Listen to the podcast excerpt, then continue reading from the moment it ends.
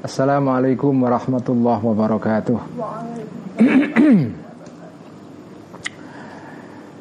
Bismillahirrahmanirrahim. Alhamdulillahi rabbil alamin.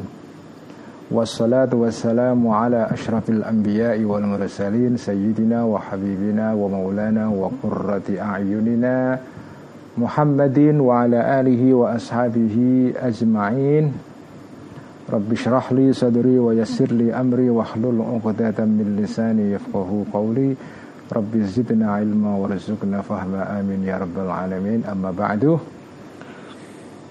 Pak santri ikhya online yang saya cintai Mari kita ngaji kembali kitabnya Imam Ghazali Kita mulai dengan ngaji Al-Munggith Minad Dalal Ini adalah mungkin uh, malam sebelum malam khataman Insya Allah uh, minggu depan kita akan bisa khataman Al-Munggith Minad Dalal karena tunggal tiga halaman tersisa ya. Mari kita mulai ngaji kita dengan menghadiahkan Al-Fatihah ila ruhi nabiyina wa syafi'ina Muhammadin sallallahu alaihi wasallam wa ila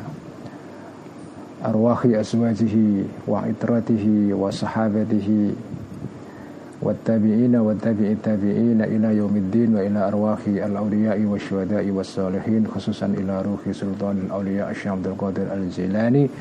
قدس الله سره ونور ضريحه وعدال بركاته ونفعنا بعلومه. وإلى أرواح العلماء الصالحين والمجتهدين والمؤلفين والمصنفين. خصوصا إلى روح حجة الإسلام أبي حامد الغزالي قدس الله سره ونور ضريحه وأعدنا بركاته ونفعنا بعلومه إلى أرواح أموات المسلمين والمسلمات والمؤمنين والمؤمنات خصوصا أرواح آبائنا وأجدادنا وأمهاتنا وأجدادنا وجداتنا ومشايخنا ومشايخ مشايخنا ونخص خصوصا إلى أرواح الأئمة الأربعة مؤسس المذاهب الأربعة وإلى أرواح علمائنا مؤسسي جمعية نهضة العلماء والجمعيات الإسلامية الأخرى وإلى روحي وإلى أرواح مؤسسي بلدنا إندونيسيا وإلى أرواح علمائنا مؤسسي المعاهد الإسلامية. غفر الله ذنوبهم وستر عيوبهم ويعلي درجاتهم بشيء لله لهم الفاتحة. أعوذ بالله من الشيطان الرجيم. بسم الله الرحمن الرحيم. الحمد لله رب العالمين الرحمن الرحيم مالك يوم الدين إياك نعبد وإياك نستعين. اهدنا الصراط المستقيم صراط الذين أنعمت عليهم غير المغضوب عليهم ولا الضالين آمين. بسم الله الرحمن الرحيم. قال المؤلف رحمه الله تعالى ونفعنا به وبعلمه في الدارين آمين. ربي يسر وأعين. Al-Mungkith Minad Dalal halaman 134 paragraf kedua dari bawah. Dimulai dari kalimat fa in kulta fa bima a'rifu syafaqatan nabiyyi wa ma'rifatahu bihadza tibbi. Fa in kulta jika mengatakan engkau wahai apa pembaca kitab Al-Munkis ini atau wahai lawan debat ya atau wahai engkau orang yang mengingkari kenabian para apa peminat filsafat atau para filosof yang sebagian tidak mempercayai adanya kenabian ya tadi kan atau minggu yang lalu diterangkan mengenai uh, jawaban Al Ghazali ya. jawaban Al Ghazali terhadap orang-orang yang mengingkari nubuah mengingkari kenabian Jawabannya sudah panjang lebar kita pelajari pada bagian yang lalu. Nah, setelah diterangkan ini semua, lalu Al Ghazali memberikan kesempatan nah, kepada orang-orang ini ya untuk bertanya ya. Jadi ini kayak uh, eh, Q&A ya, tanya jawab. Fa'ingkulta jika bertanya engkau orang yang wahai, wahai orang yang mengingkari kenabian, fabima a'rifu. Fabima, oke lah saya percaya dengan jawaban engkau wahai Al-Ghazali eh, terhadap keberatan orang-orang yang mengingkari kenabian. Sekarang Fabima, maka dengan cara apa arifu mengetahui aku syafaqatan nabi terhadap kasih sayangnya kanjeng Nabi Muhammad Shallallahu Alaihi Wasallam wa ma'rifatahu dan mengetahuinya kanjeng Nabi bihadza tibbi tentang kedokteran ini yaitu kedokteran jiwa yang obatnya antara lain adalah ya obatnya antara lain adalah ibadah ya. Ibadah dengan cara-cara tertentu. Sholat dengan jumlah rakaat tertentu ada wudhunya puasa ada tata caranya dan seterusnya. Itu kan semua bagian dari tibbul arwah ya. Kedokteran rohani ya. nah kan Nabi kok tahu itu semua dari mana? Ya. Fa'akulu maka akan menjawab aku. Aku al ghazali maksudnya ya kalau kau bertanya begitu karena ini pertanyaannya pertanyaan istifham ingkari sebetulnya ya. Jadi bentuknya tanya tapi sebetulnya pertanyaan yang tujuannya untuk menyangkal itu namanya istifham ingkari ya. Uh, jadi bukan tanya yang polos. Kalau tanya polos itu kan kayak orang uh, tersesat di jalan, nggak tahu arah, nggak tahu alamat, lalu tanya. Nah, itu namanya istifham atau pertanyaan yang polos, yang sungguh-sungguh, yang lugu. Ada orang itu yang nanya tapi nanyanya tujuannya untuk ya sekedar untuk riwil aja. Riwil itu artinya ya ya bertanya untuk menyangkal sebetulnya ya. Nah karena pertanyaannya ini pertanyaan yang berbau nyinyir Maka jawaban Al-Ghazali juga agak sedikit nyinyir itu Wabima arafta syafaqata abika dengan cara apa mengetahui engkau syafaqata abika terhadap kasih sayang bapakmu? Kalau kamu nanya, kamu kok tahu Nabi itu sayang umatnya, sayang umat Islam, sayang kita gitu. Ya, dibalikkan pertanyaannya, kamu tahu kalau bapak kamu menyayangi kamu dari mana? Laisa dzalika amron maksusan, laisa tidak ada dzalika kasih sayang bapakmu itu amron sesuatu maksusan yang bisa diindra. Karena kasih sayang itu dalam hati nggak bisa diketahui. Bagaimana kau tahu itu? Lakin arafta tetapi mengetahui engkau hu kepada zalik bi ini ahwalihi dengan uh, tanda-tanda atau bukti-bukti berupa uh, perilakunya bapakmu ya. Wasyawahidi dan bukti-bukti berupa tindakannya bapakmu fi dirihi di dalam sumber-sumbernya uh, apa itu uh, al-madhkur minal amal ya wa mawaridhi dan sama sumber-sumbernya amal ini. Ilman dengan pengetahuan dorurian yang bersifat doruri memaksa artinya pengetahuan yang nggak mungkin ditolak karena saking jelasnya la yutamaro tidak bisa diragukan fi di dalam ilmu doruri, ilmu doruri ini. Jadi kamu kan tahu bapak kamu itu atau orang tua kamu mengasihi kamu Walaupun kamu kan tidak bisa mengindra kasih sayang itu karena itu sesuatu yang berada dalam dalam dalam diri, dalam jiwa ya, dalam hati. Kita nggak bisa me, apa e, memegang itu atau mengindra itu nggak bisa. Tapi kita bisa mengetahui kasih sayangnya bapak kamu atau orang tua kamu dari tindakan-tindakan dia, dari cara dia memperlakukan anak-anaknya dan seterusnya. Dari situ kita bisa berkesimpulan bahwa dia sayang kepada anak-anaknya. Jadi poin dari dari jawaban ini adalah ada hal-hal itu yang tidak tidak bisa diketahui secara empiris ya, secara langsung melalui mata atau indera kita ya, melalui alat-alat penginderaan tetapi kalau sesuatu itu tidak bisa diindera langsung, bukan berarti bahwa sesuatu itu nggak ada. Karena dia boleh saja tidak bisa diindera langsung, tapi dia bisa dilihat melalui bukti-bukti nyatanya, ya, atau akibat-akibatnya. Kita nggak bisa um, melihat atau mengindera rasa kasih sayang, tapi kita bisa mengindera bukti-bukti atau terjemahan dari kasih sayang yang ada pada hati manusia dalam bentuk pekerjaannya itu. Begitu juga waman barang siapa nazaro yang melihat atau merenungkan fi akwali Rasulillah di dalam ucapan-ucapan Rasulullah Shallallahu Alaihi Wasallam wama dan hal-hal warada yang datang minal akhbari berupa hadis-hadis ya fihtimamihi mengenai perhatian kanjeng Nabi bi irsyadil khalqi untuk atau terhadap uh, menunjukkan manusia orang-orang masyarakat. Wa di dan dan dalam lemah lembutnya kanjeng Nabi ya fi nasi di dalam menarik atau membujuk manusia untuk apa? Untuk mengikuti ajaran-ajaran Islam ya bi anwa'i rifki dengan segala bentuk kasih sayang walutfi dan dan kasih sayang juga. Ditarik atau dibujuk ila tahsinil akhlaki untuk memperbaiki akhlak wa islahi dzat wa islahi dzatil baini dan untuk memperbaiki kerabat ya orang-orang yang mempunyai hubungan kerabat itu.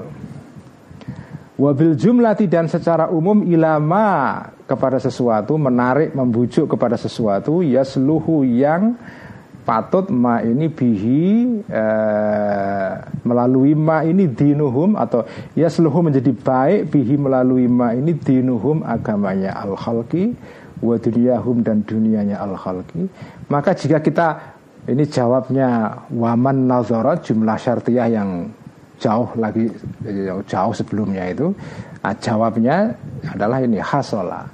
Jadi waman nadhara barang siapa merenungkan maka hasola. Jadi setiap kali jumlah syartiyah ya jumlah yang kondisional itu terdiri dari, dari dua bagian kan? Syarat dan jawabnya ya. Barang siapa begini begini begini maka nah itu begitu. Kalau jumlah syartiyah kok hanya memuat satu klausul saja yaitu klausul klausul syarat ya klausul persyaratan tapi tidak ada responnya tidak ada jawabannya yaitu namanya jumlah syartiyah yang tidak lengkap. Dia tidak tidak merupakan kalam yang sempurna itu ya. Barang siapa merenungi itu semua tadi itu maka hasolah ini jawabnya ya. Akan akan akan terjadi, akan terperoleh lahu bagi man tadi itu yang sudah apa terletak sebelumnya jauh ini. Ilmun pengetahuan dororiun yang memaksa pengetahuan yang tidak bisa ditolak bi anna syafaqatahu. Pengetahuan bahwa sesungguhnya kasih sayang kanjeng Nabi ala ummati terhadap umatnya kanjeng Nabi a'zamu lebih besar lebih agung min syafaqatil walidi daripada kasih sayang seorang tua ala walidi terhadap anaknya al walid. Jadi kalau kita lihat tindakan kanjeng Nabi, ucapan-ucapan kanjeng Nabi, cara kanjeng Nabi memperlakukan dengan lembut orang-orang supaya mereka mau menerima ajaran-ajaran beliau, dan bagaimana beliau memperlakukan umatnya dan pengikutnya itu semua menunjukkan bahwa kanjeng Nabi itu punya rasa kasih sayang terhadap umatnya. Sebagaimana perlakuan orang tua terhadap anak-anaknya ya itu menjadi pertanda bahwa dia memiliki kasih sayang kepada mereka.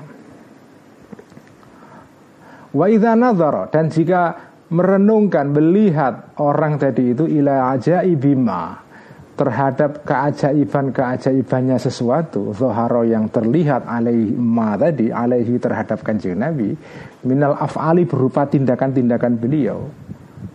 Wa ila ajaibil ghaibi dan terhadap keajaiban-keajaiban tentang sesuatu yang gaib yang tidak kelihatan.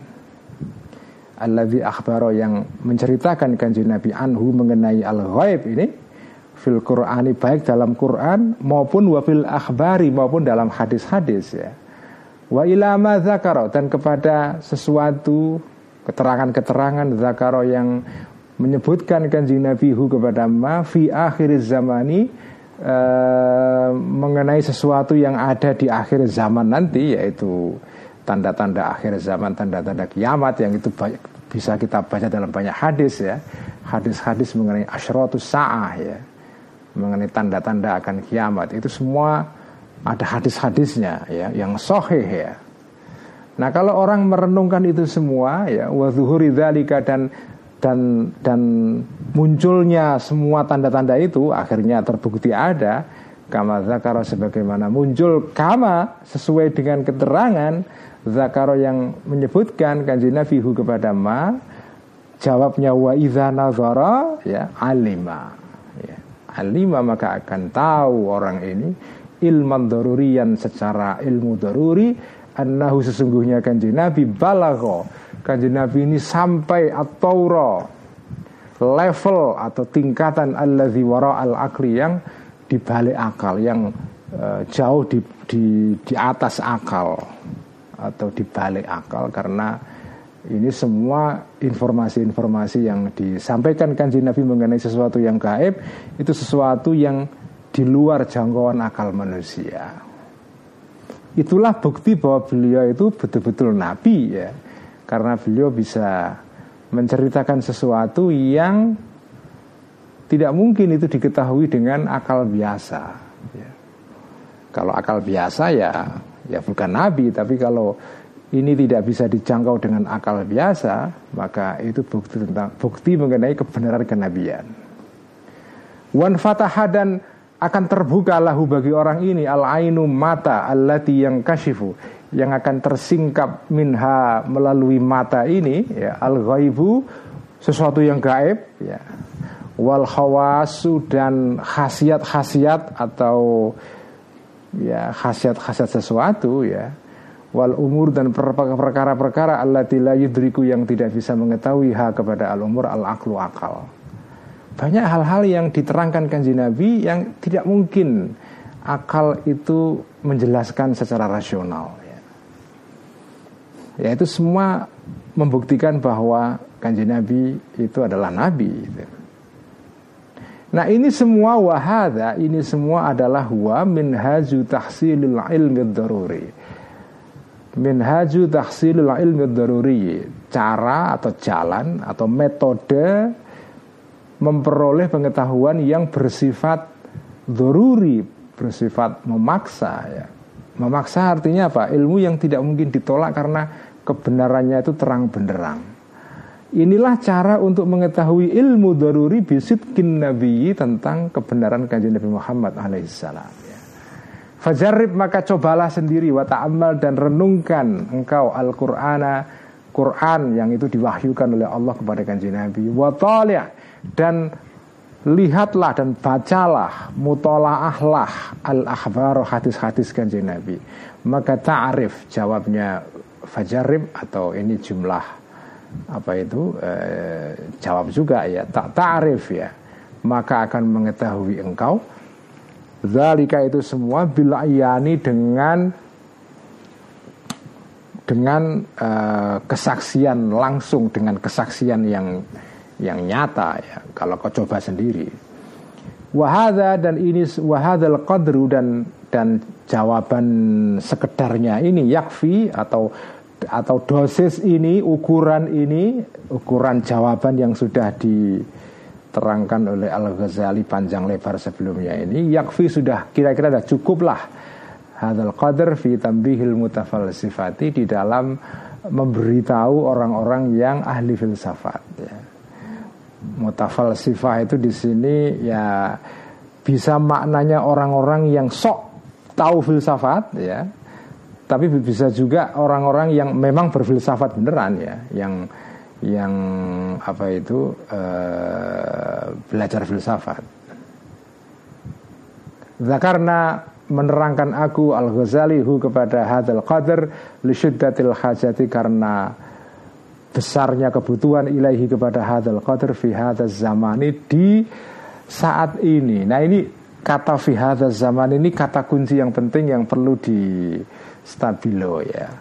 Jadi ini kan kalau kita terangkan tadi kita baca ini di dalam kitab Al Mungkis Minad Dolal ini keterangan uh, Imam Ghazali mengenai kenabian dan jawaban-jawaban beliau kepada orang-orang yang mengingkari kenabian terutama dari kalangan orang-orang filosof ya. Itu begitu panjang lebar.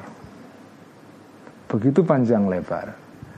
Sangat apa komprehensif ya sangat panjang sekali menunjukkan bahwa memang pengaruh pengaruh atau apa ya otoritas filsafat sebagai pengetahuan pada zaman beliau itu cukup tinggi. Jadi memang ini kita bicara mengenai abad kelima Hijriah ya atau abad ke-10 Masehi. Jadi ini abad ke-10 Masehi di Baghdad dan sekitarnya ibu kota Islam ketika itu. Jadi artinya eh, apa?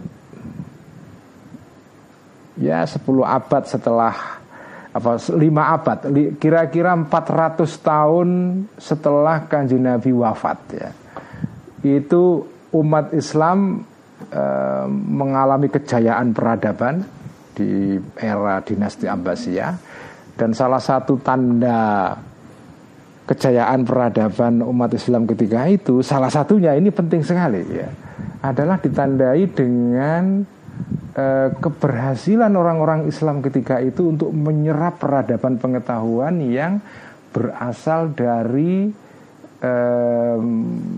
daerah di sekitar Jazirah Arab ketika itu, ketika umat Islam mulai ekspansi wilayah dan kemudian berhasil menguasai wilayah-wilayah yang dulunya merupakan daerah peradaban yang agung sekali seperti Persia, seperti daerah Syria ya.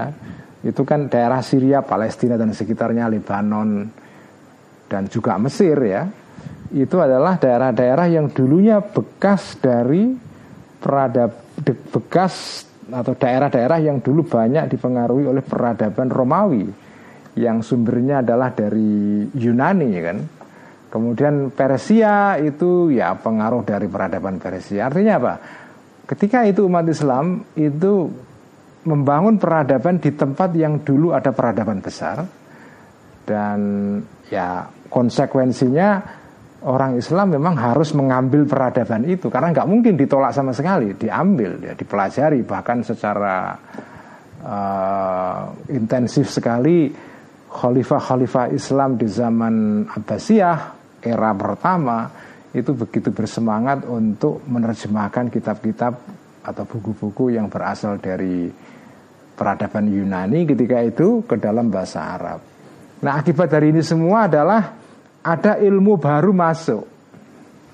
Ya, ada ilmu baru masuk. Nah, ilmu baru inilah ilmu yang namanya ilmu filsafat, ya. Ilmu filsafat di sini adalah il, ilmu yang mencakup semua pengetahuan, ya. Tidak hanya filsafat dalam pengertian sempit seperti sekarang ya. Fakultas filsafat itu kan kalau sekarang fakultas filsafat ya hanya mempelajari filsafat dalam pengertian yang terbatas. Pada zaman itu yang disebut dengan filsafat itu hanya semua pengetahuan baik itu filsafat atau fisika atau metafisika, biologi, ada ilmu politik, ilmu etika, macam-macam. Pokoknya semua jenis pengetahuan yang sumbernya bukan dari Quran. Yang itu dari peradaban Yunani itu. Nah, pengetahuan ini ketika diserap oleh umat Islam itu kemudian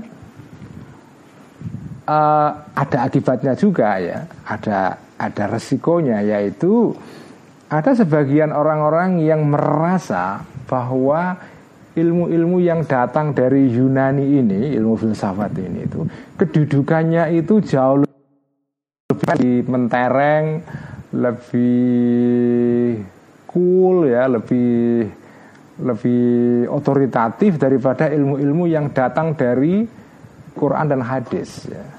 Dianggap orang-orang yang belajar ilmu agama itu orang desa, kampung. itu kayak jadi ini jadi yang di fi zaman tadi ya saya katakan kata-kata fi zaman ini perlu digarisbawahi bahwa pada zaman itu ada suatu kesan bahwa ilmu-ilmu agama yang diajarkan oleh para kiai-kiai di pondok itu kalah keren dibanding ilmu yang diajarkan di perguruan tinggi. Nah, seperti saya terangkan berkali-kali, Al-Ghazali itu adalah kiai. Basisnya pondok pesantren. Cuma bedanya Al-Ghazali ini bukan kiai kampungan yang tidak baca buku ya, bukan. Al-Ghazali ini kiai yang bahasanya banyak banget dan cerdasnya minta ampun ya. Cerdasnya luar biasa ya. Artinya beliau punya kemampuan untuk bisa juga menyerap ilmu-ilmu yang di luar pesantren, dibaca dan difahami dan kemudian dikritik ya. Karena beliau melihat ada semacam kecenderungan orang-orang yang mempelajari ilmu-ilmu asing ini itu merasa mereka jauh ilmunya jauh lebih keren, lebih tinggi derajatnya daripada ilmu yang sumbernya dari Quran dan hadis yang termuat di dalam kitab-kitab yang ditulis oleh para kiai. Nah, se sekarang kan sebetulnya hal semacam itu kan muncul lagi, ya kan? Ada kesan bahwa ilmu yang dari pondokan itu kampungan, ya, desa, ya, nggak sekeren ilmu yang diajarkan di UI, di ITB, di UGM gitu kan. Ah ini, nah cuma tidak berhenti di sana. Orang-orang yang belajar filsafat ini sebagian tidak semua ya. Mereka saking saking terbukaunya, saking merasa apa ya, merasa uh, sombongnya karena merasa menguasai pengetahuan yang jauh lebih keren daripada ilmu-ilmu agama mereka sampai kebablasan kemudian berpendapat bahwa nabi dan ajaran-ajaran nabi itu nggak penting. Karena ajaran kebaikan itu semua sudah ada di dalam ilmu yang datang dari Yunani ini kamu mau apa? Mau ajaran moral ada dalam buku-bukunya Aristoteles ya. Ada apa uh, filsafat etika ala ala Aristoteles misalnya ya. Jadi ngapain ngapain ajaran akhlaknya Nabi itu nggak ada nggak ada gunanya. Jauh lebih keren filsafat etikanya orang-orang Yunani.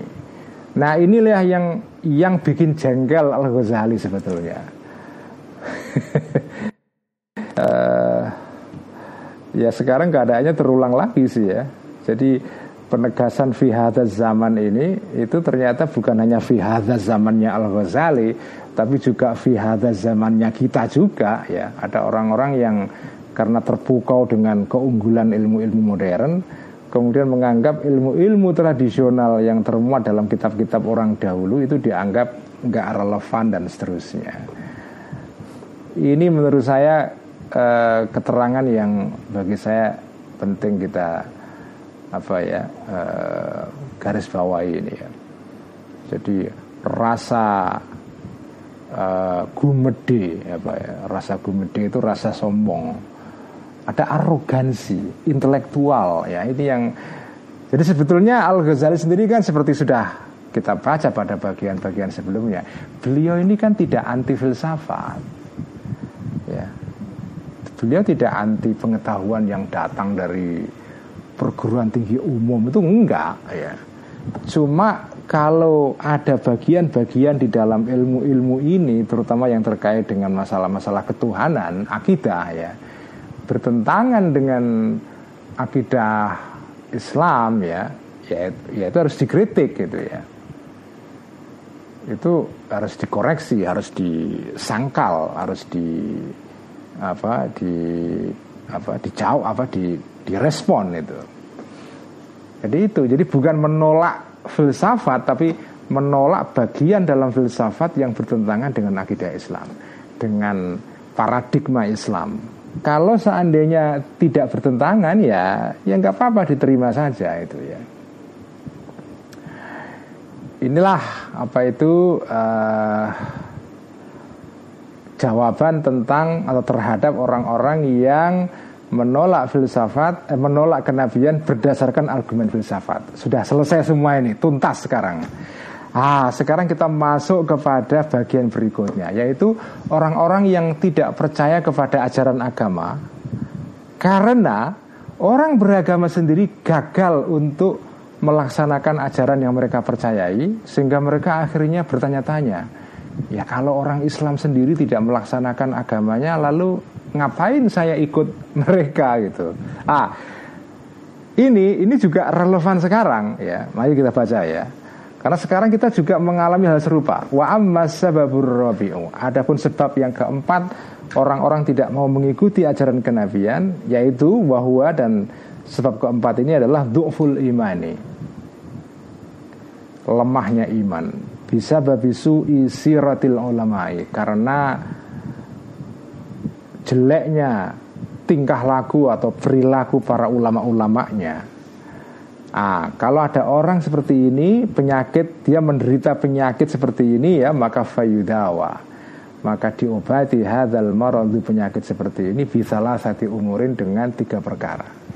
Ahadua pertama an-nakula kita akan mengatakan begini jawabannya ya. Al-alimul ladzi taz'umu annahu ya'kulul harama Ma'rifatuhu bitahrimil harami ka ma'rifatika bitahrimil khamri walahmil khinziri wazina Al-alimu orang yang alim Karena ini ada orang yang Sebelumnya kan Atau bagian sebelumnya sudah jauh diterangkan ya Ada orang-orang yang tidak mau mengikuti ajaran Islam, ajaran kanjeng Nabi karena dia melihat ya itu para ulama itu tidak melaksanakan ajaran Islam. Katanya agama Islam ini agama damai. Ah itu lihat ulama-ulamanya mengajak orang untuk membenci golongan lain, memprovokasi. Jadi ngapain saya saya harus mengikuti agama Islam? Ini persis yang diceritakan Imam Ghazali pada bagian ini persis dengan keadaan yang kita hadapi sekarang. Jadi rupanya ya, ini menarik sekali buat saya Walaupun kita ini dipisahkan jarak sekitar hampir seribu tahun dari Al-Ghazali Hampir seribu tahun Tetapi tantangan yang kita hadapi itu nyaris kurang lebih sama. Sama persis ya. Ya ada variasi-variasi tentu ya. Tapi intinya sama. Ada tantangan terhadap agama dari kalangan sains ya. Saya sudah nulis buku bersama Mas Haidar ya. Silakan membeli buku itu. Ini malah iklan buku ya. Nggak apa-apa lah ya. Saya sudah menulis buku bersama Mas Haidar ya tentang masalah ini ya agama saintifik sains yang reli, yang religius ya ah, yang kedua tantangan kedua adalah ada orang-orang yang tidak mau mempercayai agama Islam dalam hal ini ya karena tingkah laku orang Islam sendiri terutama orang-orang yang merupakan tokoh-tokohnya ulamanya mereka tidak mencerminkan uh, ajaran yang mereka dakwahkan. Nah ini al-alimu orang alim alladzi tas'umu yang menyangka engkau annau sesungguhnya orang alim ini yakulu memakan mengkonsumsi orang alim ini al-harama barang-barang haram. Mereka korupsi. Tokoh agama juga korupsi kok sekarang itu. Ngapain saya beragama? Kira-kira gitu kan. Nah orang ini ma'rifatuhu pengetahuan orang ini ya Ma'rifatuhu ini ma'rifatuhu ini khobarnya kata al-alim tapi ini khobar dalam jumlah, dalam bentuk jumlah ismiyah. Artinya dia terdiri dari mubtada khobar juga. Jadi khobar yang terdiri dari mubtada khobar gitu ya. Itulah uniknya kalimat dalam bahasa Arab itu. Jadi mubtada atau subjek khobarnya atau predikatnya itu berupa susunan kalimat juga ya berupa jumlah atau ada yang berupa jumlah fi'liyah artinya susunan berupa fi'il fa'il atau jumlah ismiyah mubtada khobar juga. Jadi ini mubtada tingkat jadi mubtada khobar tapi khobarnya terdiri dari mubtada khobar juga. Gitu ya. Nah, ini agak rumit memang. Al alimu tadi itu maka ma'rifatuhu uh, pengetahuannya orang alim ini bitahrimil harami mengenai keharamannya barang yang haram itu sama kama arifatika seperti pengetahuan engkau ya. Uh, khobarnya ma'rifatuhu kama arifatika itu persis seperti pengetahuan kamu kamu yang bukan alim ini bitahrimil khamri tentang uh, keharamannya hamar ya arak walahmil khinziri dan daging uh, celeng atau babi ya. Wazina dan keharamannya zina. Bal bitahrimil ghibati. Bahkan juga seperti pengetahuanmu mengenai haramnya ghibah ya. Ngerasani atau ngerumpiin ngomongin orang lain. Wal dan bohong wan namimati dan adu domba jadi orang alim itu ya memang alim punya ilmu, tapi ya samalah. Orang alim punya pengetahuan tentang ABC haram, kamu juga orang yang tidak alim tapi kan kamu ngerti juga tentang keharamannya hal-hal yang sederhana. Orang Islam kan semua tahu babi haram misalnya. Zina haram. Minum arak haram ya. itu semua orang tahu. Artinya kamu kan juga sama seperti orang alim itu. Kamu tahu sesuatu itu haram. Tapi ya wa anta dan sesungguhnya dan dan engkau ta'rifu mengetahui engkau zalika tentang keharamannya hal-hal tadi itu tapi toh wa taf'alu dan melakukan engkau hu kepada sesuatu itu. Jadi orang alim itu ya manusia juga. Dia punya pengetahuan tentang keharamannya ABC dilakukan. Kamu juga sama kamu kan ngerti juga ada hal-hal yang haram dalam agama tapi kau melaksanakan itu juga jadi dalam hal ini kamu tidak bisa berpendapat, berargumen karena orang-orang alim itu melanggar ajaran agama, kalau begitu agama salah. Nah, kira-kira gitu. Ini kan sekarang tantangan ini yang sekarang kita hadapi.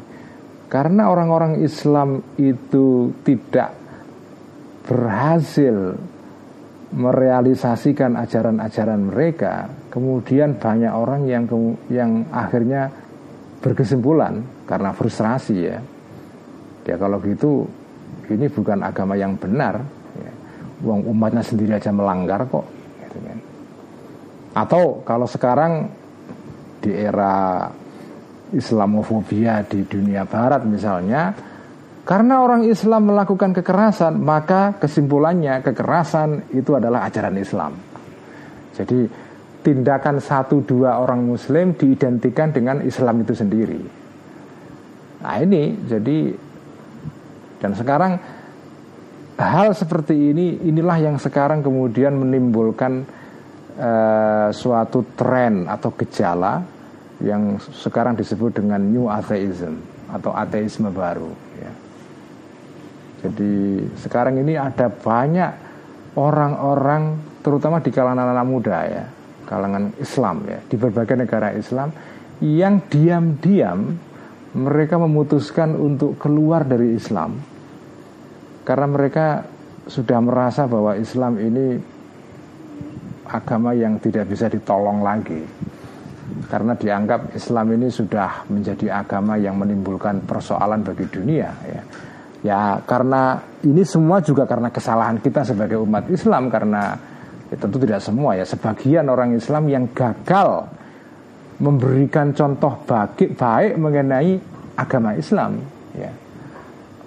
Jadi jadi tanggung jawab ini juga ada pada kita sebagai muslim ya. Kalau ada orang-orang yang kecewa pada Islam kemudian mereka keluar dari Islam ya. Sekarang ini di barat itu di Inggris, di Amerika, di Kanada, sebagian juga ada di Australia ya. Itu muncul satu gerakan organisasi yang disebut dengan ex-Muslim movement atau ya gerakan-gerakan orang yang ex-Muslim. Dulunya Muslim tetapi kemudian mereka kecewa dengan Islam, kemudian akhirnya jelek-jelekin Islam.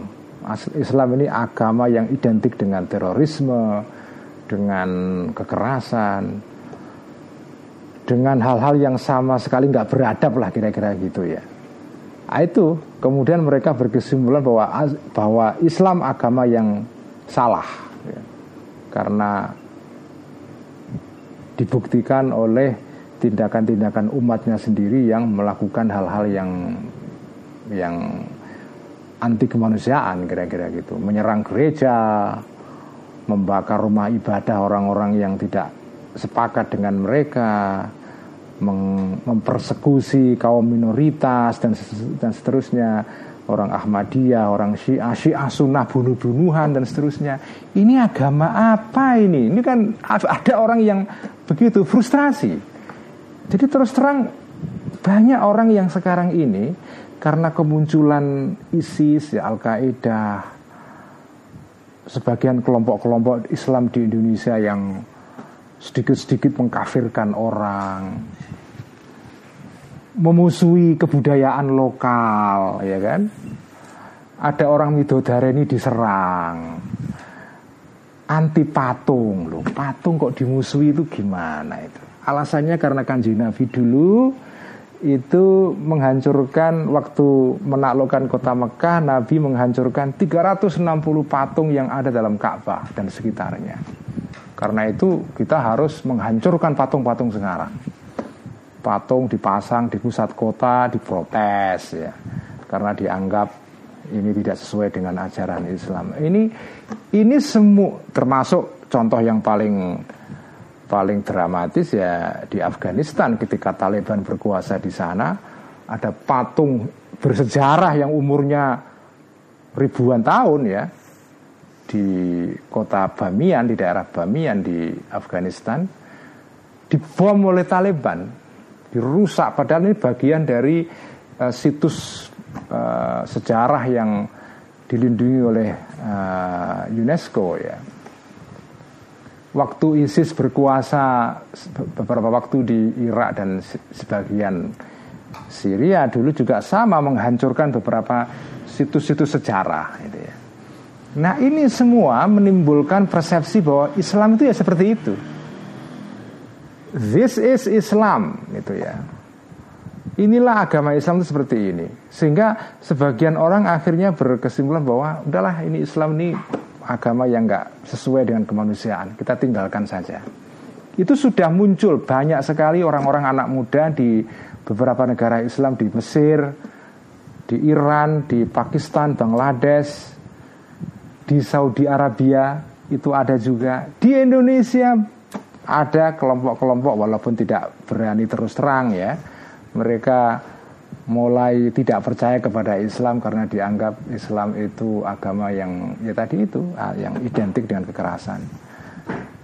Di Amerika ada tokoh namanya Ayan Hirsi Ali ya yang pernah di resensi bukunya oleh Mbak Mbak Firoh ya di wall Facebooknya ya.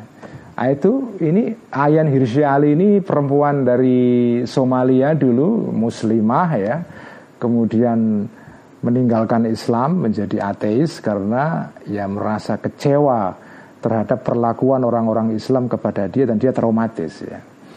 Nah ini persis yang ada pada zaman Al Ghazali sekarang kita temukan kita jumpai lagi sekarang.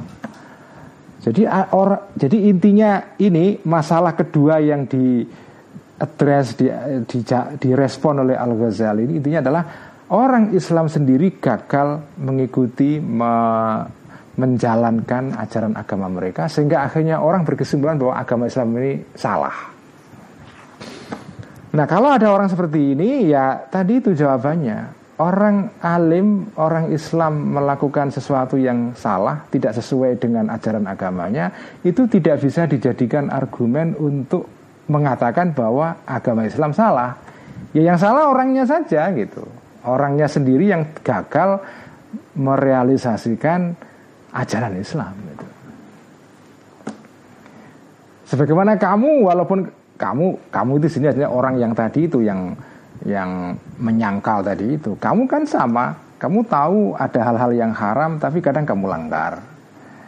Nah, ketika kamu melanggar itu lali adami imanika tidak karena tidak imannya engkau bi sesungguhnya tadi itu minum arak, makan babi, berzina, ya itu semua maksiatun adalah maksiat. Kamu tidak kamu tetap percaya, bukan tidak percaya bahwa itu semua maksiat, tetap percaya, tapi kamu tetap melanggar itu semua. Bukan karena iman kamu tidak ada, tapi karena bali syahwatika. Tapi karena syahwat engkau al-ghalibati yang dominan alaika terhadap diri kamu. Jadi kesimpulannya fasyahwatu maka syahwatnya orang alim ini itu kasyahwatika seperti syahwat kamu juga namanya sama-sama manusia. Wakat galabat dan telah mengalahkan syahwat ini hu kepada orang alim. Sebagaimana kamu juga dikalahkan oleh syahwat kamu. Fa'ilmuhu maka pengetahuannya atau mengetahuinya orang alim tadi itu yang melanggar ajaran agama dengan menjalani hal, menjalankan hal-hal yang haram itu ya ilmunya dia bimasa ila tentang masalah-masalah ya wara ahada yang selain ini ya ya tamayyazu uh, menjadi berbeda ya khobarnya ilmuhu ya tamayyazu menjadi beda orang alim ini bihi dengan pengetahuannya ini angka dari engkau. Jadi memang orang alim ini sama dengan kamu sama-sama manusia punya syahwat kadang-kadang dia gagal mengatasi syahwatnya kamu juga sama manusia juga walaupun bukan alim kadang-kadang kamu kalah oleh syahwat kamu bedanya satu dia punya ilmu kamu enggak La yunasibu ziyadata zajrin an hadal mahdzuril muayyani. Uh, la yunasibu yang ilmu ini la yunasibu yang tidak sesuai atau yang tidak cocok ya. Ziyadata zajrin uh, terhadap uh, bertambahnya larangan atau ya larangan an hadal mahdzuri terhadap atau dari larangan ini al muayyani yang tertentu. Jadi orang alim ini memang uh, apa itu uh, punya ilmu ya yang selain ilmu mengenai keharaman hal-hal tadi itu. Tetapi bahwa dia ya bahwa dia mempunyai ilmu itu bukan berarti bahwa nilai pelanggaran orang ini terhadap hal-hal yang haram tadi itu itu lebih tinggi daripada pelanggaran kamu sebagai orang awam. Sebagai pelanggaran sama, dosanya sama. Ya. Meskipun orang alim ini nanti akan mendapatkan apa ya, akan dimintai tanggung jawab lebih besar nanti di hari kiamat. Tetapi tindakan orang alim, walaupun dia punya ilmu tambahan yang membuat dia kedudukannya lebih tinggi daripada orang awam biasa, tambahan ilmunya ini tidak membuat bahwa bahwa esensi tindakan dia yang melanggar keharaman tadi itu itu lebih berat daripada pelanggaran orang awam biasa. Sebagai pelanggaran sama, ya, sama-sama melanggar. Ya. Jadi kamu tidak bisa menjadikan itu sebagai alasan untuk tidak percaya kepada ajaran kajian Nabi. Uang orang alim saja melanggar, saya ya ngapain ikuti kajian Nabi gitu. Gak bisa itu. Ya namanya pelanggaran ya pelanggaran. Namanya manusia kadang-kadang kalah oleh syahwat ya ya begitulah manusia tapi tindakan satu dua orang ini tidak bisa dijadikan sebagai alat untuk menghakimi ajaran Islam secara keseluruhan itu ya. Wakam mu'minin dan betapa banyak orang-orang yang percaya bitibi terhadap ilmu kedokteran ya. Banyak orang yang ngerti ilmu kesehatan yang layas biru yang tidak tahan anil fakihati dari uh, buah-buahan tertentu dia ngerti bahwa buah tertentu ini tidak bagus buat dia ya misalnya kamu punya mah atau punya diabetes itu nggak boleh lah makan nangka ya bisa berbahaya itu ya. Kalau kamu punya kolesterol makan jeroan kan nggak boleh kan. Tapi kan ya kamu tahu itu semua nggak boleh tapi kan ya kamu langgar juga. Jadi ada orang yang melanggar sesuatu yang dia ketahui itu nggak baik gitu.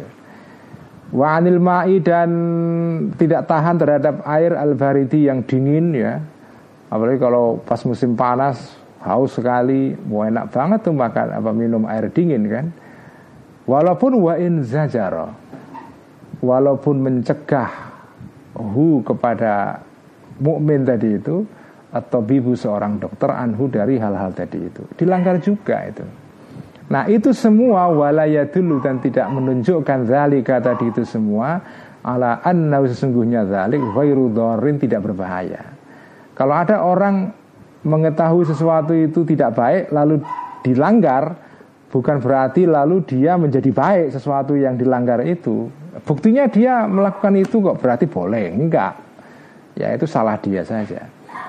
Aw ala annal imana atau sesungguhnya iman percaya bitibbi dengan kedokteran laisa bisohihin tidak benar laisa tidak al iman itu bisohihin benar fahada maka ini adalah mahmalu hafwatil ulamai. Inilah uh, mahmalu itu apa ya? Tafsiran. Ya.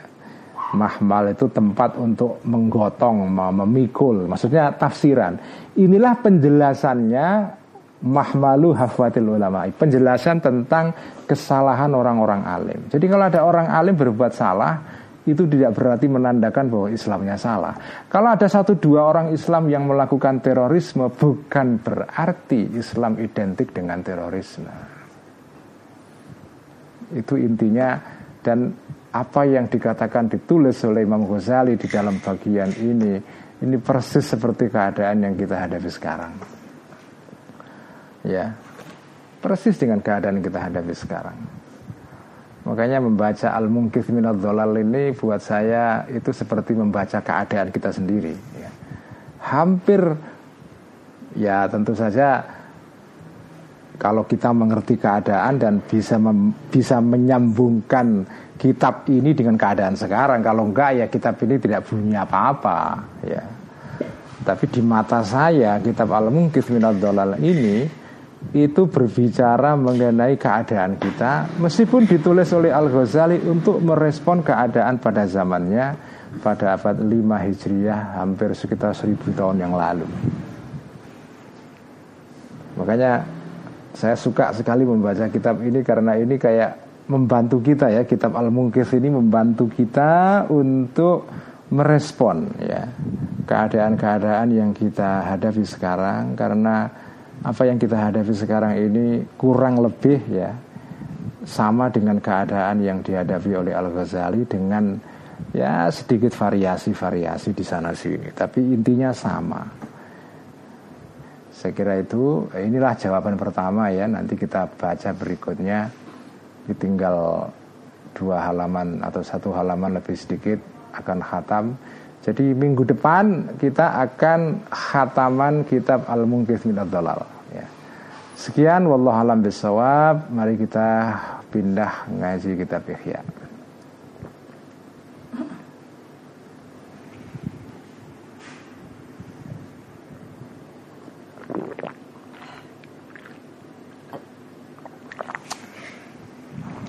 Bismillahirrahmanirrahim. Alhamdulillahirabbil alamin.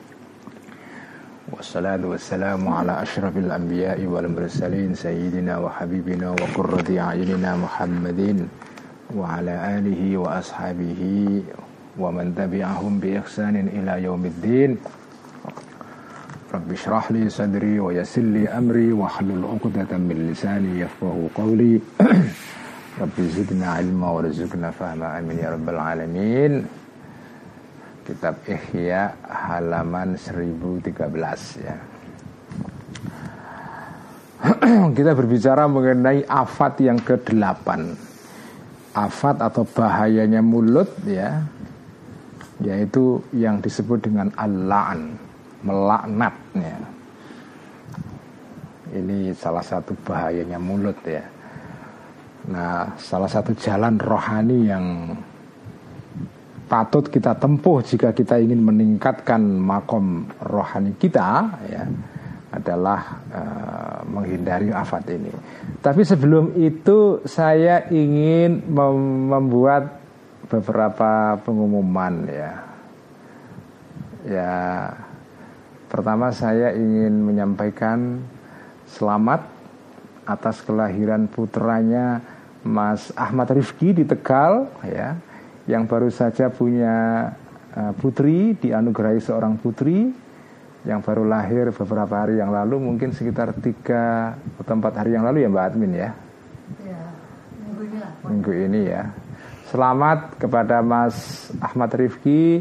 Semoga menjadi uh, putri yang solehah.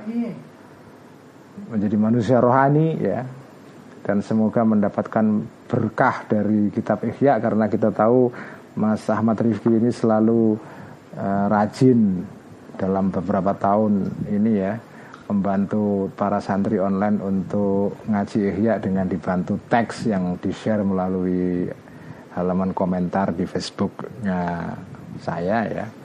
Terima kasih kepada Mas Ahmad Rifki, selamat ya dan salam kepada keluarga terutama kepada istri. Semoga kami semua ikut mendoakan baik untuk Mas Ahmad Rifki dan kedua ya ini penting sekali teman-teman semua uh, keadaan di negeri kita terutama di Jakarta ya akhir-akhir ini memburuk sekali terkait dengan pandemi Covid ya uh, sedih sekali ya, karena belum bisa ditangani dengan baik ya.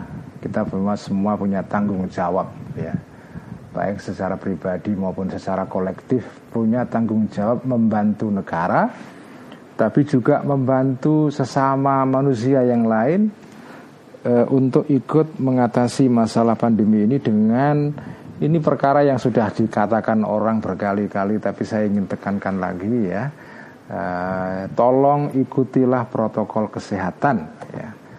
Terutama memakai masker. Dan untuk sementara ini terutama bagi para para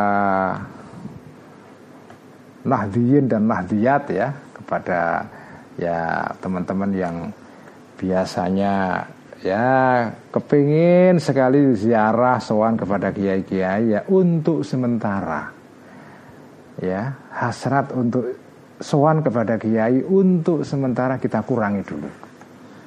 Karena kebanyakan kiai-kiai itu sudah sepuh ya. Dan karena sepuh ya mereka rentan ya terhadap pandemi ini. Jadi rasa hormat uh, hormat kita dan ikhtiram kita kepada para romo kiai itu hari-hari ini ya sebaiknya kita tunjukkan dengan cara sementara jangan sowan kepada mereka dulu kepada beliau-beliau ini. Itu bukan berarti bahwa kita ingin ingin menjauhkan diri dari beliau-beliau tapi kita justru menyayangi para kiai-kiai ini dengan cara kita e, sementara mengendalikan hasrat kita untuk bertemu kepada beliau-beliau. Karena resikonya besar ya. Jadi tidak sowan para kiai-kiai hari-hari ini itu justru cara kita menghormati para para masyayikh ini kita sayang kepada mereka karena kita sudah menyaksikan banyak para romo kiai yang yang kapundut yang apa wafat karena covid ya. dan ada beberapa kiai yang hari-hari ini dirawat di rumah sakit karena covid ya. di Jawa Tengah di Jawa Timur di Jawa Barat itu ada beberapa kiai yang sekarang sedang dirawat di rumah sakit jadi kita tidak sementara tidak sowan kepada beliau-beliau tapi sambil mendoakan semoga para kiai-kiai kita dilindungi oleh Allah dari wabah ini tapi kita juga punya tanggung jawab melindungi para kiai-kiai ini dengan cara untuk sementara. Jangan sowan kepada beliau-beliau. Karena kiai-kiai itu ya kalau disewani ya nggak enak juga kalau kalau misalnya menolak kan. Ya namanya disewani ya kiai ya pasti menerima. Tapi kan kita sendiri yang harus tahu diri ya. Jadi kita sendiri yang tahu diri jadi supaya ini adalah ini bentuk penghormatan kita kepada para kiai kiai hari-hari ini ya. Karena saya sedih sekali. Saya sungguh sedih sekali karena hari-hari ini banyak kiai-kiai yang wafat. Barusan ketua uh, Tanfidiyah, ketua umum Tanfidiyah PWNU DKI Jakarta uh, Pak Saifullah Sekda DKI barusan meninggal ya.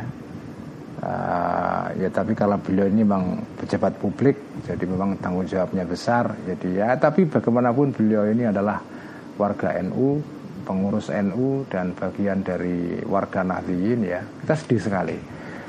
Jadi saudara-saudara ya mari kita menjaga diri secara ketat mengikuti protokol ya ini adalah bagian dari cara kita menerjemahkan ajaran Islam.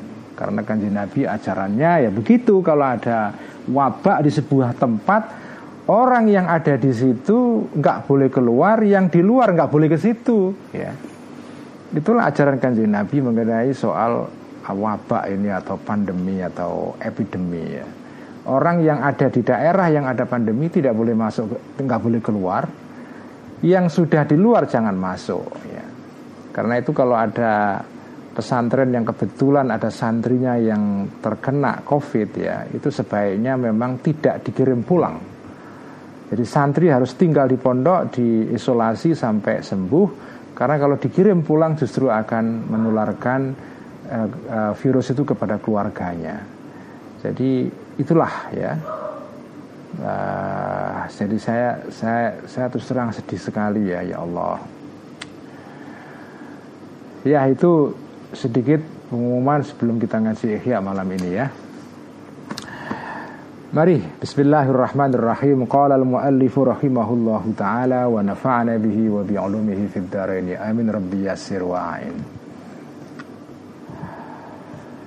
Walla'nu Apa itu yang disebut dengan melaknat orang itu Yang merupakan bahaya mulut itu ya. Walla'nu Yang disebut laknat adalah ya. Walaknu dan laknat adalah ibaratun adalah sebentuk atau uh, adalah bentuk atau artikulasi atau manifestasi anitorti dari uh, mengusir ya wal ibadi dan menjauhkan minallahi taala dari Allah taala yang disebut melaknat itu atau dilaknat itu artinya orang itu dijauhkan, diusir dari rahmatnya Allah. Jadi kalau kamu mau mengatakan laknatullahi alaik, semoga laknat Allah kepada kamu, atas kamu, itu artinya kamu mendoakan orang itu dijauhkan dari Allah. Itulah namanya laknat. Karena itu melaknat orang atau melaknat sekelompok orang, golongan yang selain kita gitu ya itu memang berbahaya sekali karena artinya serius banget. Melaknat itu artinya adalah berdoa supaya orang itu dijauhkan dari Allah. Gitu. Termasuk melaknat binatang kan kemarin diterangkan melaknat itu bisa objeknya manusia, bisa juga objeknya adalah binatang yang punya nyawa dan juga hal-hal yang tidak punya nyawa yang inorganik ya. apa batu misalnya atau tanah atau apa gitu ya. Melaknat tanah melaknat barang-barang mineral yang tidak apa yang non organik ya. Itu sama juga dilarang dalam agama itu. Nah jadi itulah arti laknat. Laknat itu artinya adalah ator dual ibad ya Nah wadhalika laknat seperti ini adalah ghairu jaizin tidak boleh illa alaman kecuali diarahkan kepada orang ittasofa yang mempunyai sifat orang ini disifatin dengan sifat tertentu Tuba itu yang membuat jauh sifat ini hu terhadap man ini minallahi dari Allah Azza wa Jal. Jadi melaknat itu tidak boleh kecuali diarahkan kepada orang yang memang betul-betul pada diri orang itu kita yakin ada sifat-sifat yang membuat dia memang jauh dari Allah itu. Nah, apa sifat seperti itu? Wahua Sifat ini adalah al-kufru kekufuran wazulmu dan kezaliman. Jadi kalau ada orang dalam dirinya ada kekufuran ya, mengingkari kebenaran itu ya, mengingkari Allah dan ajaran-ajaran Allah atau dia melakukan kezaliman, nah itu dia punya sifat yang memang membuat dia jauh dari Allah. Nah, itu orang seperti ini boleh dilaknat tapi boleh loh ya. Artinya boleh itu artinya bukan harus dilaknat atau dianjurkan untuk dilaknat. Kalau terpaksa harus melaknat ya nah, itu di, dibolehkan ya. Tapi kepada orang seperti ini. Tapi nanti akan diterangkan oleh Al Ghazali tapi bukan berarti kalau boleh itu harus dilakukan itu. Kadang-kadang walaupun boleh itu ya sebaiknya jangan ya. Tapi kalau terpaksa harus melaknat ya. Terpaksa. Nah, itu oke okay lah nggak masalah itu. Bian yakula dengan cara misalnya mengatakan orang ini laknatullahi ala zalimin ya. Laknatnya Allah ala zalimin semoga terarah kepada orang-orang yang zalim ya. Misalnya ya ini contoh yang paling konkret adalah kalau kita ya atau ada seseorang atau ada sekelompok orang atau masyarakat atau bangsa yang hidup di bawah rezim yang betul-betul otoriter dan menindas dan menzalimi orang-orang itu ya. Seperti keadaan yang dialami oleh orang-orang uh, Muslim di Uighur sekarang ya di Cina ya atau bangsa Palestina di Palestina atau bangsa-bangsa lain yang mengalami penindasan seperti orang Yahudi dulu pada masa eh, Hitler ya atau ya macam-macam banyak ya ada orang-orang yang menghadapi sistem yang tiranik ya. Dan saking frustrasinya orang itu terpaksa dia harus melaknat itu. Ah, itu boleh ya. Saking frustrasinya nggak melawan, nggak bisa, nggak ada kekuatan sama sekali ya sudah. Kekuatan yang tersisa bagi orang-orang yang lemah ya, the powerless ya, orang-orang yang kalau istilahnya dulu presiden Cekoslovakia apa sebenarnya Václav Havel itu ya. The power of the powerless ya kekuatan dari orang-orang yang tidak punya kekuatan. The power of the of the powerless ya. Orang kekuatan dari orang-orang yang tidak punya kekuatan. Ya ini salah satunya. Kekuatannya yang tersisa adalah memaki. Ya gimana lagi sudah nggak bisa melawan? Ya yang ter yang tersisa adalah kekuatan kata-kata protes ya. Protes pidato dan seterusnya nah itu. Ini maknanya itu ya. Laknatullahi ala zalimin. Nah itu boleh itu. Boleh. Keadaan seperti dalam keadaan seperti itu boleh itu. Walal kafirina dan semoga laknat Allah kepada orang-orang kafir ya.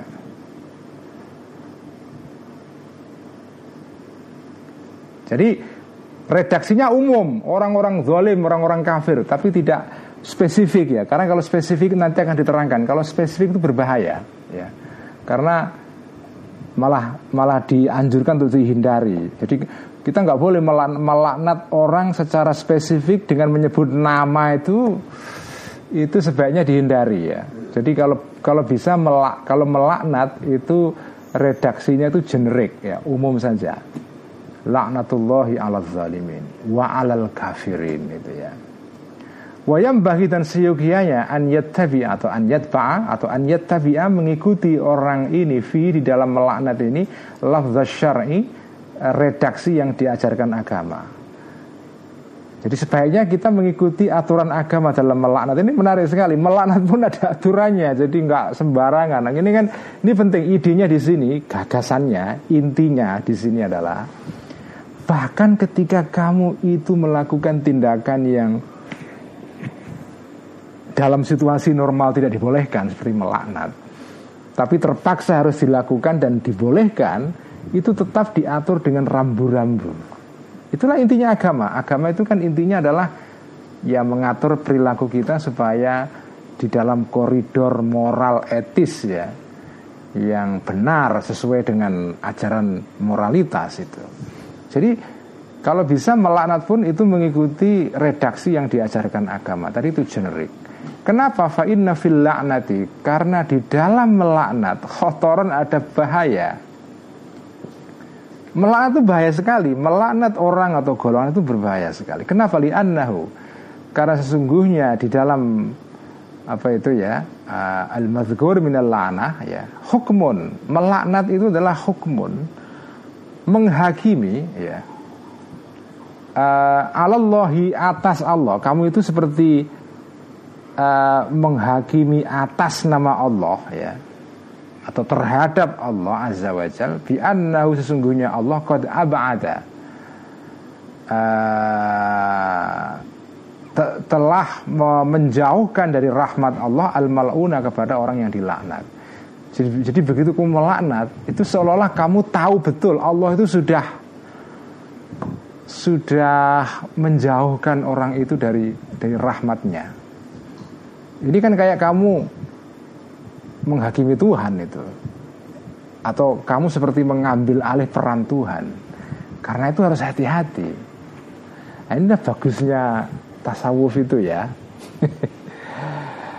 Saya suka tasawuf itu karena intinya tasawuf itu ah, memang yaitu intinya agama itu dalam tasawuf ya akhlak ya ihsan yaitu berbuat itu harus dengan pertimbangan yang masak-masak jangan uh, terburu nafsu dan mengikuti apa ya tuntutan situasi secara emosional tanpa pertimbangan ya kan? Ya ini jadi menghakimi orang, menghakimi atas nama Allah atau mengambil wewenang Allah itu dengan cara melaknat itu itulah intinya laknat itu kan kamu seperti mengambil peran Allah itu nah, itu nggak boleh bahaya itu ya Nah, wadzalika dan ini apa ya? Uh, apakah betul Allah itu melaknat orang itu atau tidak? Itu kan kita nggak tahu karena ini ghaibun barang yang gaib, la yattali'u yang tidak bisa tahu alaihi kepada gaib ghairullah selain Allah ya. Tetapi wayut li'u ya atau wayat tali'u dan mengetahui alaihi kepada gaib ini Rasulullah Rasulullah Sallallahu Alaihi Wasallam. Kajian Nabi tahu kenapa iz at iza atla'a ketika memberitahu kepada kanjeng Nabi Allahu Allah alaihi kepada barang gaib itu. Jadi kalau kanjeng Nabi karena punya maziyah, punya kekhususan, beliau mendapatkan informasi langsung dari Allah. Kalaupun beliau melaknat satu dua orang itu ya masalah. Kita nggak boleh meniru kanjeng Nabi dalam hal ini. Ya. Jadi Laqad kana lakum fi Rasulillahi uswatun hasanah. Itu itu itu adalah uh, ajaran dasarnya bahwa kanjeng Nabi itu menjadi uswah teladan baik bagi kita. Itu ya, itu itu hukum dasarnya. Tapi ada hal-hal dalam tindakan kanjeng Nabi yang tidak bisa kita ikuti. Gak bisa. Karena itu bagian dari min isir rasul ya. Atau min apa itu min min mazayar rasul hal-hal yang itu dikhususkan oleh Allah kepada beliau. Misalnya kajian Nabi nikah lebih dari empat, nah, bisa. Lalu ada orang yang nikah lebih dari empat dengan dalil lakukan lakum fi rasulillahi uswatun hasanah itu geblek orang seperti itu ya. Ya kan Nabi memang uswah hasanah tapi uswah hasanah di dalam hal-hal yang memang uh, bukan merupakan kekhususan beliau. Tapi kalau itu min khawasir rasul atau min khasaisir rasul ya ya nggak boleh kita menjadikan beliau sebagai uswah itu. Kajian Nabi punya kekhususan banyak ya.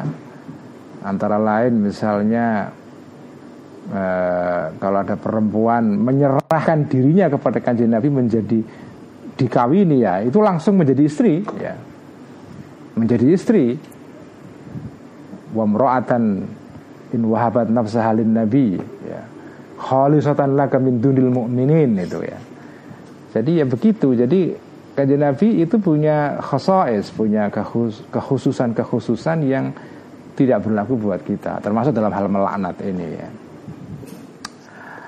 Ah, sekarang kita teruskan keterangan mengenai soal laknat ini. Wasifatul muqtadiyatu lil la'ni salasatun. Ini kita kalau belajar ihya ini ya um, menarik dan penting karena Imam Ghazali kadang-kadang punya penalaran mengenai beberapa hal yang kadang-kadang di luar dugaan itu.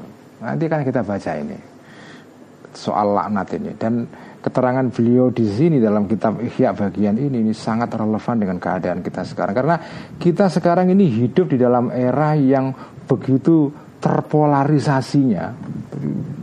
Blok-blokan itu luar biasa bahkan sesama muslim itu polarisasi blok-blokan nah kadang-kadang keburu nafsu terus keluar kata-kata ini semua yang nggak baik gitu ya Nah, ini nanti makanya pelajaran di sini kitab Ihya ini menjadi penting pada bagian ini karena menyangkut keadaan yang kita alami sekarang. Wasifatu dan sifat-sifat al-muqtadiyatu yang menuntut ya. Lilani untuk boleh melaknat ya. Itu salah satu ada tiga. Pertama al-kufur kekufuran. Wal bid'atu dan bid'ah ya. Wal fisku dan tindakan kefasikan ya. Tindakan melanggar aturan agama tetapi tidak karena karena kekafiran ya. Jadi orang muslim tapi melakukan melakukan pelanggaran moral. Nah, itulah yang disebut dengan fasek atau kefasikan ya. Jadi tiga ini ini membuat kita boleh melaknat itu boleh ya. Meskipun tidak berarti kalau boleh itu dianjurkan, enggak, boleh ya, boleh itu. Ini kadang-kadang orang Islam ini juga dalam memahami ajaran moral yang diajarkan agama itu kadang-kadang kadang eh, kadang-kadang kurang tepat ya. sesuatu yang semula mubah itu kemudian dianggap dianjurkan. Contoh yang paling relevan sekarang ya poligami, ya kan? Poligami. Ya ini lepas dari beberapa ya ada sarjana muslim, ada intelektual muslim yang berpandangan bahwa poligami sebaiknya uh, dihilangkan dari Islam ya. Dan saya setuju itu. Tapi oke, okay, kalau kita lihat ajaran poligami di dalam Al-Quran itu ya, itu kan tidak artinya menganjurkan poligami. Poligami itu sebetulnya kalau kita telaah ayat-ayatnya di Quran itu sekedar membolehkan saja. Karena ada situasi tertentu dan karena situasi dan konteks pada zaman itu itu dibolehkan. Tetapi oleh sebagian umat Islam sekarang dijadikan gerakan. Gerakan ada workshopnya, ada seminarnya, harganya mahal dan nah ini gimana ini? Ini nggak masuk akal itu. Sesuatu yang mubah kemudian dianjurkan sebagai sunnah itu. Padahal hukum dasarnya mubah saja boleh gitu kan. Tapi di di twist kemudian diubah statusnya dari boleh menjadi dianjurkan. Nah ini sama melaknat ini ada tiga ada ada tiga ada sifat-sifat ya. Ada tiga sifat yang membolehkan orang untuk melaknat orang lain.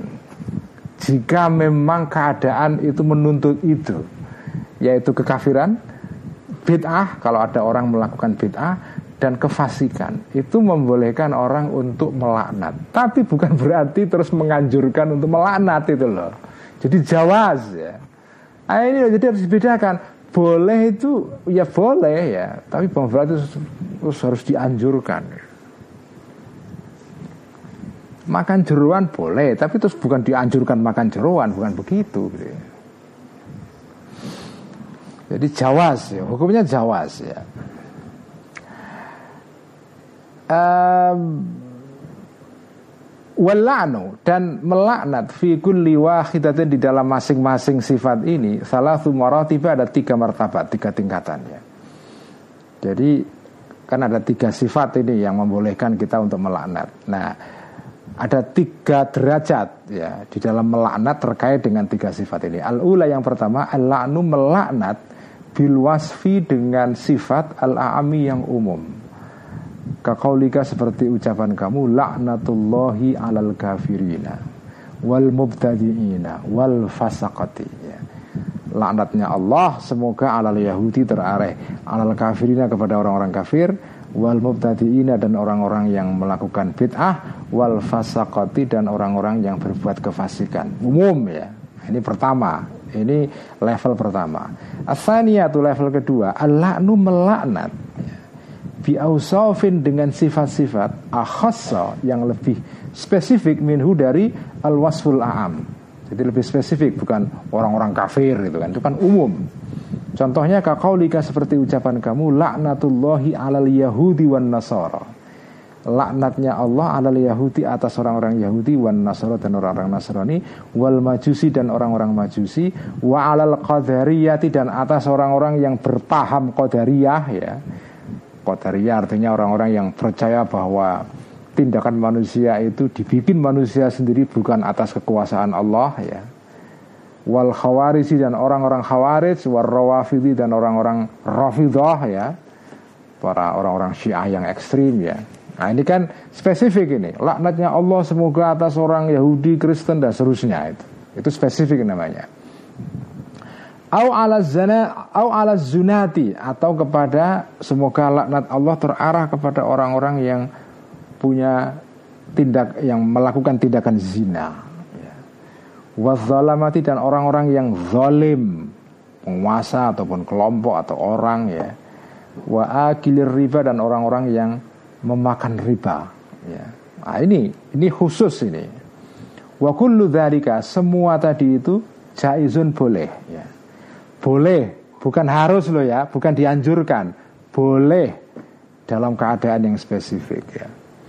Meskipun ya terutama melaknat orang Yahudi dan Nasrani ya, menurut saya ya meskipun diterangkan oleh kitab Ihya boleh ya, tapi dalam konteks kehidupan kita sekarang apalagi di Indonesia ya menurut saya sebaiknya dihindari atau malah jangan dilakukan ya ya karena ada akibat-akibat yang justru akan membuat umat Islam menjadi buruk citranya itu.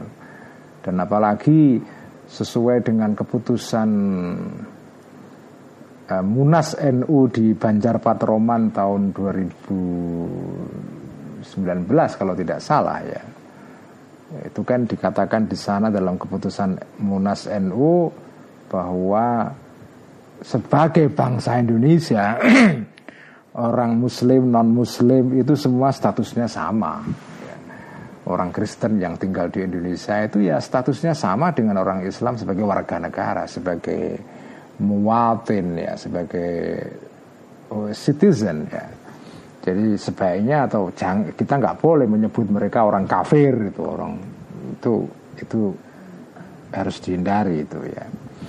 Ya kita, jadi kita ini kan bicara pada konteks zaman Imam Ghazali ya. Jadi kita harus harus tahu konteksnya itu.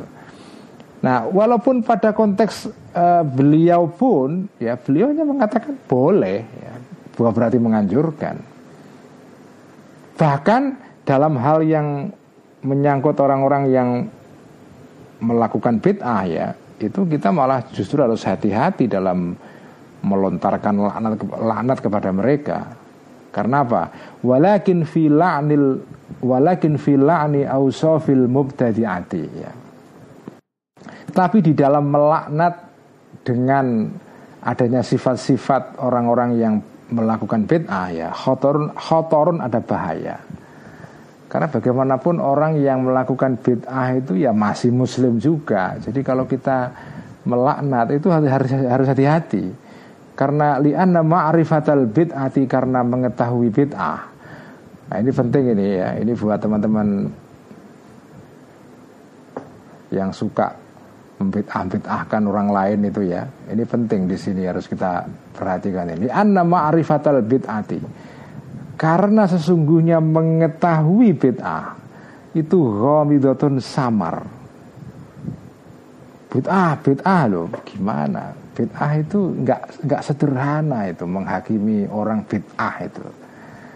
Walam yarid dan tidak datang, tidak datang dari kanji Nabi maksudnya fi di dalam di dalam apa ausof atau di dalam melaknat orang-orang yang mubtadi'ah ini lafzun redaksi maksurun yang didengar atau diambil dari kanjeng Nabi tidak ada dari kanjeng Nabi itu suatu apa ya statement yang secara spesifik melaknat orang-orang bid'ah itu itu nggak ada.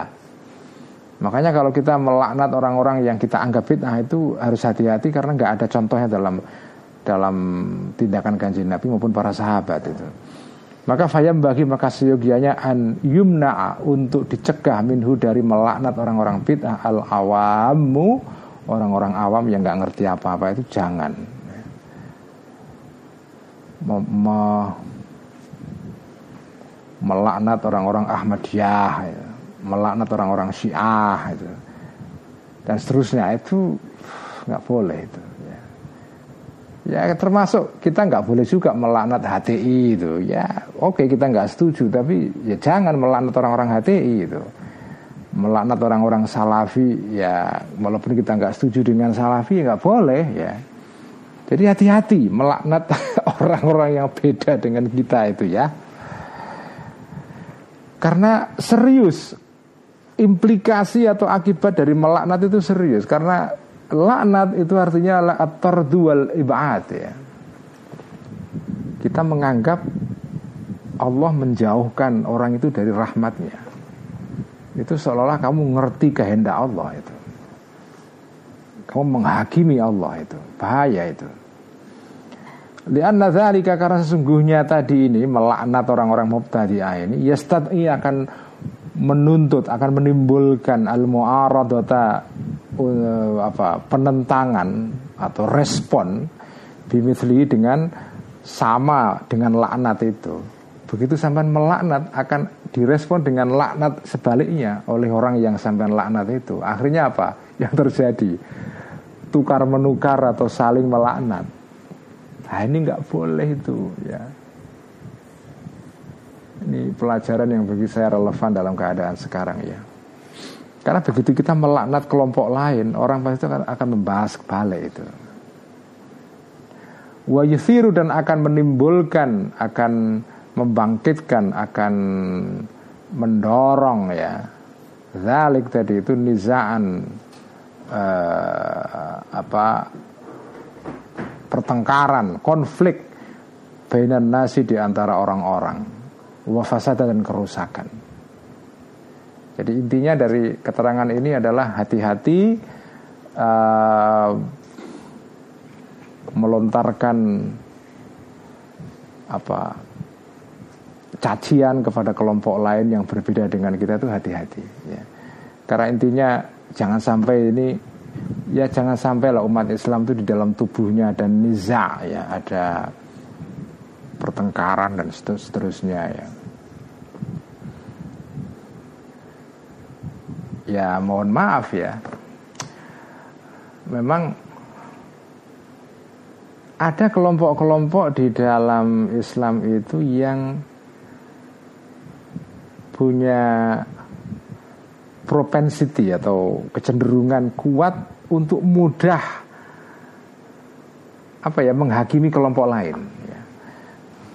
Meskipun mayoritas umat Islam itu nggak begitu. Jadi mayoritas orang Islam di Indonesia itu kan NU Muhammadiyah atau kelompok-kelompok lain yang moderat lah ya. Itu kan umumnya ya orang NU Muhammadiyah atau ya bahkan Persis Al-Irsyad, Al-Wasiliyah, Nahdlatul Waton, Matlaun Anwar itu kan semua ya umumnya mereka ini kan tidak suka dengan tindakan-tindakan seperti ini ya. Tapi memang ada satu dua kelompok yang memang punya kesukaan untuk la'nul akhir, melaknat orang lain itu. Ada gerakan anti Syiah, gerakan anti Ahmadiyah. Orang NU itu ya nggak setuju dengan Syiah, ya nggak setuju aja, tapi nggak terus gerakannya kayak memprovokasi orang untuk membenci itu itulah yang nggak boleh itu. Jadi kita beda, oke. Okay, ya. Kiai-kiai kan begitu ya, kiai-kiai itu sikapnya ketika menghadapi perbedaan ya begitu. Kita beda. Ya udah beda. Kita nggak setuju dengan kelompok ini dalam pandangannya mengenai hal-hal ini. Sudah selesai di situ dan kita mengajak umat supaya hati-hati kepada gagasan ini. Ya oke nggak masalah. Tapi memprovokasi dengan melaknat. Nah itu yang berbahaya. Jadi saudara-saudara teman-teman para santri ihya ya yang ngaji malam ini pelajaran penting dari uh, afat yang ke-8 dari mulut manusia itu adalah laknat ini. Laknat ini. Di dalam sejarah Islam kita pernah mengalami situasi atau periode gelap ya. Ketika laknat ini resmi dijadikan sebagai kebijakan negara. Itu pernah terjadi, pernah dalam suatu zaman dulu ya, sudah pernah saya ceritakan dalam ngaji Ihya sebelumnya itu salah satu syarat orang menjadi khatib Jumat yang diangkat negara di masjid resmi negara adalah dia harus melaknat Sayyidina Ali dan anak-anaknya. Sayyidina Hasan, Husain, Sayyidina Fatimah yang semua ini orang-orang kita cintai ya sebagai keluarga kanji Nabi, Ahlul Bait ya Nah, itu itu dilaknat secara resmi di atas mimbar. Itu terjadi pada era-era pertama dinasti Umayyah itu. Sampai akhirnya dihentikan oleh Khalifah Umar bin Abdul Aziz. Ini khalifah yang sangat adil tetapi berkuasa pendek sekali. ya Allah. Kalau kita ingat era itu sedih kita ya. Nah, itu dihentikan itu. Nah, inilah sikap orang-orang Sunni ahlu sunnah wal jamaah itu begitu. Berbeda oke okay. Mengkritik pandangan yang berbeda dengan kita nggak masalah Kita kritik ya.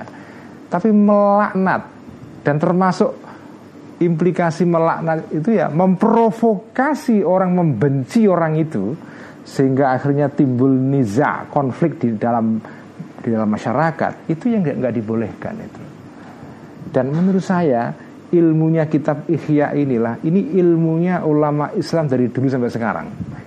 Maksudnya ulama Islam yang mayoritas ya. Misalnya kalau kita lihat Al Azhar sekarang ini di Mesir atau para ulama-ulama Islam pada umumnya di Indonesia juga begitu, di negeri-negeri lain juga begitu. Jadi kita menghadapi perbedaan, ya sudah kita berbeda karena perbedaan itu sesuatu yang niscaya di dalam masyarakat ya bagian dari sunnatullah ya. Tapi melaknat melaknat orang yang kita anggap pandangannya ini melenceng, sesat, bid'ah ya itu fihi khotor. Kalau kita pakai redaksi kitab Ihya ini fihi khotor. Ada bahaya di situ. Karena nggak tahu bid'ah itu yang betul-betul bid'ah yang memang membolehkan orang untuk melaknat itu apa? Apakah Allah betul-betul memang melaknat orang itu kita nggak tahu nggak tahu kita sebaiknya hati-hati ya.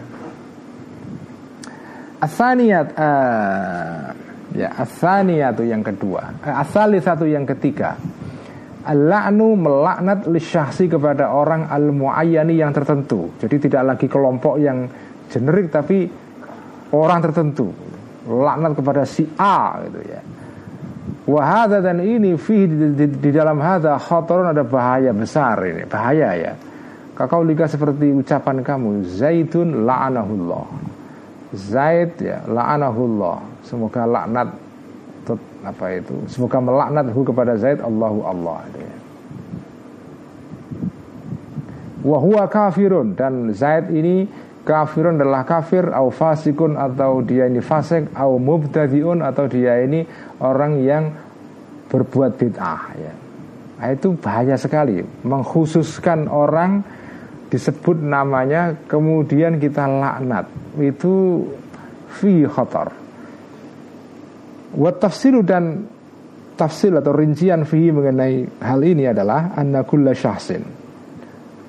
Sesungguhnya setiap orang sabatat yang telah tetap tetap pasti laknatuhu melaknat orang ini syar'an secara agama fatajuzu maka boleh laknatuhu melaknat orang ini. Kakaulika seperti ucapan kamu Fir'aunu la'anahullah. Fir'aun semoga melaknat Allah kepadanya. Wa Abu Jahlin la'anahullah Abu Jahal semoga dilaknat oleh Allah Nah itu boleh karena sudah jelas Memang di Quran mereka ini dilaknat ya Jadi nggak jadi soal.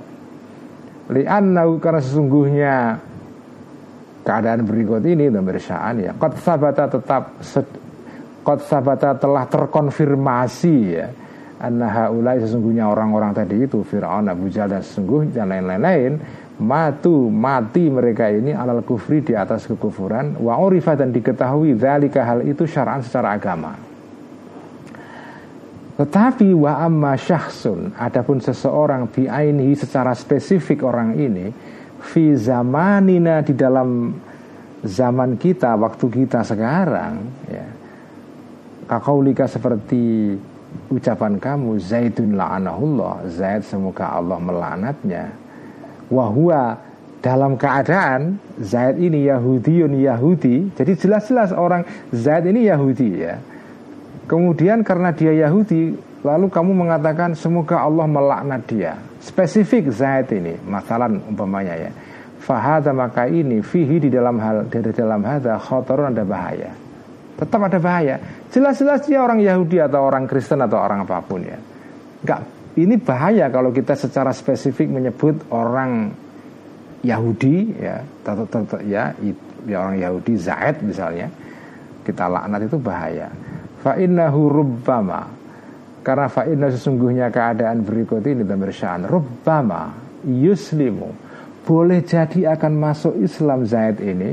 Setelah kamu laknat tiba-tiba dia berubah masuk Islam. Fayamutu maka mati orang ini nantinya muqarraban dalam keadaan dekat indallahi menurut Allah. Fakaifa maka bagaimana uh, yuh kamu dihakimi dinilai bikauni dengan adanya Zaid ini malunan dilaknat Kamu kan nggak ngerti keadaan beri setelah nanti misalnya orang yang kamu benci, orang yang kamu laknat sekarang tiba-tiba nanti berubah jadi orang baik misalnya.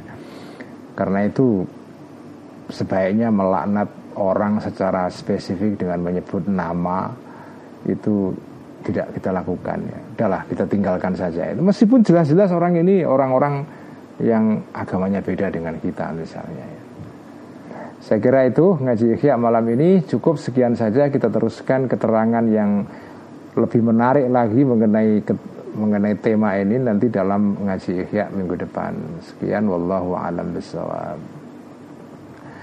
Mari kita tutup dengan bacaan salawat tibbil qulub bersama-sama ya.